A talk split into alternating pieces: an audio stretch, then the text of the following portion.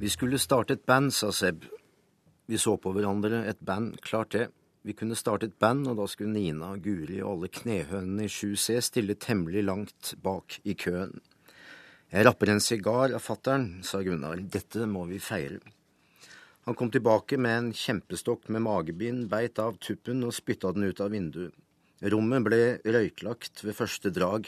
Vi hosta og harket og hang over karmen, men alle var enige om at det var jævlig godt, beste vi noensinne hadde smakt. Men hva skal vi spille, sa Ola gjennom røyken. Det var det verre med. Med Ola var det jo greit, han slo skarptromme i guttemusikken, det hørte vi hver 17. mai. Gunnar kunne to grep på gitaren til brutter'n sin, men til gjengjeld var han ganske flink til å øke tempoet. Seb spilte blokkfløyte, og jeg kunne ingenting. Du kan synge, sa Seb. Synge, jeg kan vel for faen ikke synge. Du kan lære det, sa Gunnar.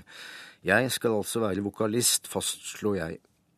Du må lære å hyle skikkelig, sa Seb, akkurat som på I Wanna Be Your Man og Twist and Shout. Jeg tenkte på sangtimene på skolen. Mellom bakkar og berg, tre små tamburer, nå livnar det i Lundar. Kanskje stemmen min aldri hadde fått skikkelig materiale å jobbe med. Kanskje Jensenius kunne lære meg å synge. Ålreit, jeg stiller som vokalist. Gunnar fyrte opp sigaren igjen og sendte den rundt, tårene rant, men det var det ingen som så gjennom røyken. Og så begynte vi å spille gjennom alle Beatles-platene våre og starta med Love Me Do. Lars Saabye Christensen, velkommen hit til Kulturnytt. Dette er et utdrag fra romanen din Beatles, den boken om de fire Beatles-frelste guttene på Oslo vest på 60- og 70-tallet. Det er en av de største litterære salgssuksessene i Norge noensinne. Men disse linjene du leste for oss nå, hvor nære er de for deg nå? Det er en stund siden jeg skrev dem, og det er en stund siden jeg leste dem. Jeg går ikke vanligvis og leser høyt for meg selv, men det er en bok som fremdeles uh, jeg er glad for jeg har skrevet, og stolt av å ha skrevet. Og står veldig, slik jeg ser, ser det, da, sentralt i, i, det jeg holder på med som forfatter. Uten den boken så hadde jeg vel ikke skrevet noe mer. Hvorfor ikke? Nei, fordi jeg tror jeg var relativt unnskyld, ung da jeg skrev den, og begynte på den i hvert fall. Og jeg tror jeg fant et eller annet fundament, en stemme, et ja, Si det litt høytidelig, et univers mens jeg skrev den. Og, og det er et univers som jeg, om ikke har bare vært inne i det hele tiden, men det er det som er på en måte grunnmuren i alt det jeg skriver. Og nå, 28 år etter at filmen, nei, boken kom ut, så har du sagt ja til at Max Manus-regissørene skal lage film av deg. Hvorfor sa du ja til det? Jeg har først sagt ja til at Aksel Helsenius skal lage manus. Det kommer først. uh, uh, det er fordi tingene virket riktig. Tingene falt på plass, syns jeg. Uh, nå er jo ikke ta en sånn avgjørelse er jo ikke akkurat som å, å starte en verdenskrig, men det, det, krever en del omtanke og, og vurderinger fra, fra, fra min side. Og glad for å kunne si ja. Aksel Halstenius, du sitter ved Sabe Christensens side her nå. Det er altså du som har skrevet manuset basert på romanen 'Beatles'. Hvordan, hvordan har det vært? Det har vært uh, som det pleier å være. Når man gjør en sånn, er, man er ydmyk for å starte en sånn jobb. Akkurat med, med, Beatles så har det jo vært en stor og vanskelig jobb. Stor og vanskelig Først og fremst fordi det er en stor roman på mange måter. Den er eh, stor i veldig manges øyne. Mange har et veldig sterkt forhold til den. Det er en lang roman. Det er veldig mange sider. Det er veldig mange øh, karakterer i den. Og den går over mange år. Så sånn sett, så, sett så fra dramatikers side, fra en mannsforfatters side, så byr den på en del utfordringer. Hvilke utfordringer da? Eller hvordan løser du dem? Nei, De må jo løses. altså Det er jo derfor jeg gjør jobben. Det, altså Alt kan løses. Men eh, jeg har valgt altså Første jeg gikk eh, løs på, store tanken rundt dette Dette går over syv år, er ikke det? Syv-åtte år. Så vi har noen karakterer som begynner som ganske små gutter før puberteten, og de går gjennom puberteten, og de ender opp i slutten av boken som eh, de er over 20 år. Det er et ganske stort spenn det er lett, eller lett, det er ikke noe lett å gjøre det i en roman, men eh, det kan greit gjøres på en roman uten å liksom løfte pennen, men vi må, når vi lager film, så må vi tenke annerledes. Hvem velger man som skuespillere? Hvem kan spille over et spenn på syv år? Og særlig når det er ungdom. For eksempel. Det var en, utfordring som, eh, som måtte tas. Ja, det, det, det, er ganske store utfordringer. Eh, jeg Kanskje folk ikke, når de ser en film basert på en, uh, en, roman, så er kanskje folk ikke klar over hvilket arbeid som ligger mellom, mellom romanen og filmen man ser. Og det, det er et uh, langvarig og, og, og, komplisert manusarbeid veldig ofte. Og som Aksel sier her, det um, Jeg hadde ikke turt å skrive manuset.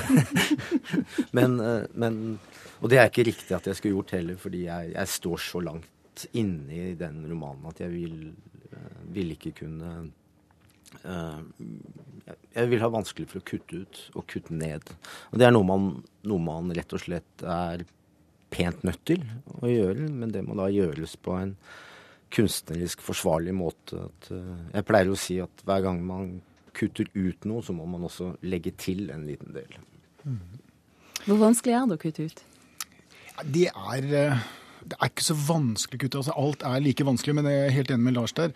Men jeg pleier å si at hvis du skal dramatisere en roman, så må du elske den romanen som om du har skrevet den selv. Som, er, som det er din egen. Og det må du rett og slett elske. Men samtidig så kan du bare være trofast mot filmen. Så det er et, sånt, et ganske spesielt forhold, egentlig. Og den romanen elsker jeg, men jeg elsker også filmen. Fordi at jeg har da fått muligheten til å skape filmen ut av dette stoffet. Altså, Så lenge den finnes på manusstadiet. Det skal jo noen regissører er skuespillere og sånt. Men foreløpig, når vi sitter her nå, så er det i gåseøynene min film. Og den finner jeg i den romanen. Og i en svær roman så er du nødt til å ta vekk ting. Og du er nødt til å legge til ting for å få det byggverket til å gå opp. For at det skal bli Det, det blir et nytt hus. Det står et svært hus som heter Beatles, og nå kommer det et nytt hus. Et anneks. ja, gjerne det. Elstenius, hvis jeg kan spørre deg, hva, hvor tror du appellen ligger i Beatles som gjør at det er en eh, fantastisk bok og sannsynligvis potensialet til en fantastisk film? Den har jo alt. Den er eh, veldig godt skrevet. Den har noen veldig interessante karakterer. Den er lagt til en meget interessant eh, tid for mange.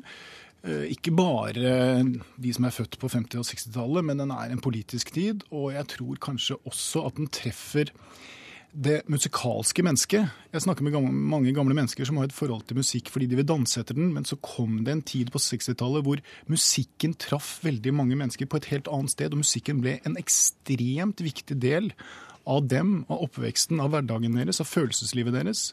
Og det har den litterært truffet på ja, blink.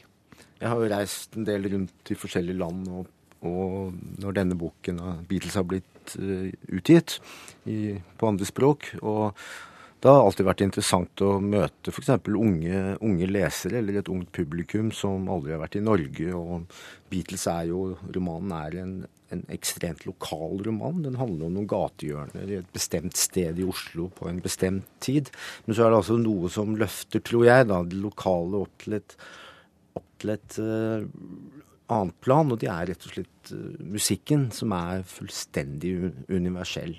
Og, og, den kombinasjonen av de størrelsene, det, det lokale og den, altså den universelle appellen, da, interesserte meg også. Hvordan blir det for deg å se dette på filmlerretet, tror du? Ja, det er en stund til den kommer, så jeg har tid å forberede meg. Nei, jeg, jeg, er eh, Jeg har vært med å, å lage og skrive for film eh, selv flere ganger, og jeg vet nøyaktig på en måte hvilke problemer, vanskeligheter og, og veien er fra romanen og fram til, til lerretet. Det som er, som Aksel sa, at, at på et tidspunkt så må man slippe romanen og gripe, gripe filmen, rett og slett. Og, og, det må være slik at man kan ikke må si at man må ha lest boken ti ganger for å skjønne filmen. Man skal ikke behøve å ha lest boken for å få et stort utbytte av filmen. Til slutt må jeg spørre manusforfatteren. Hva tror, eh, hva tror du om det? Altså det å lese boken kontra kun å se filmen? Nå har jeg heldigvis god erfaring med det, for jeg har fått vært med på, på mange spennende prosjekter og løfte roman og på, på filmlerretet. Og det er veldig sjelden at jeg hører noen som sier wow, det, det var jo helt håpløst. For det det er to forskjellige medier.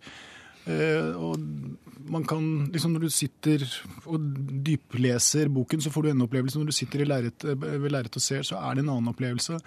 Jeg tror mange blir glad for å se Kim og co. Løpe rundt i Frognergatene. Det tror jeg.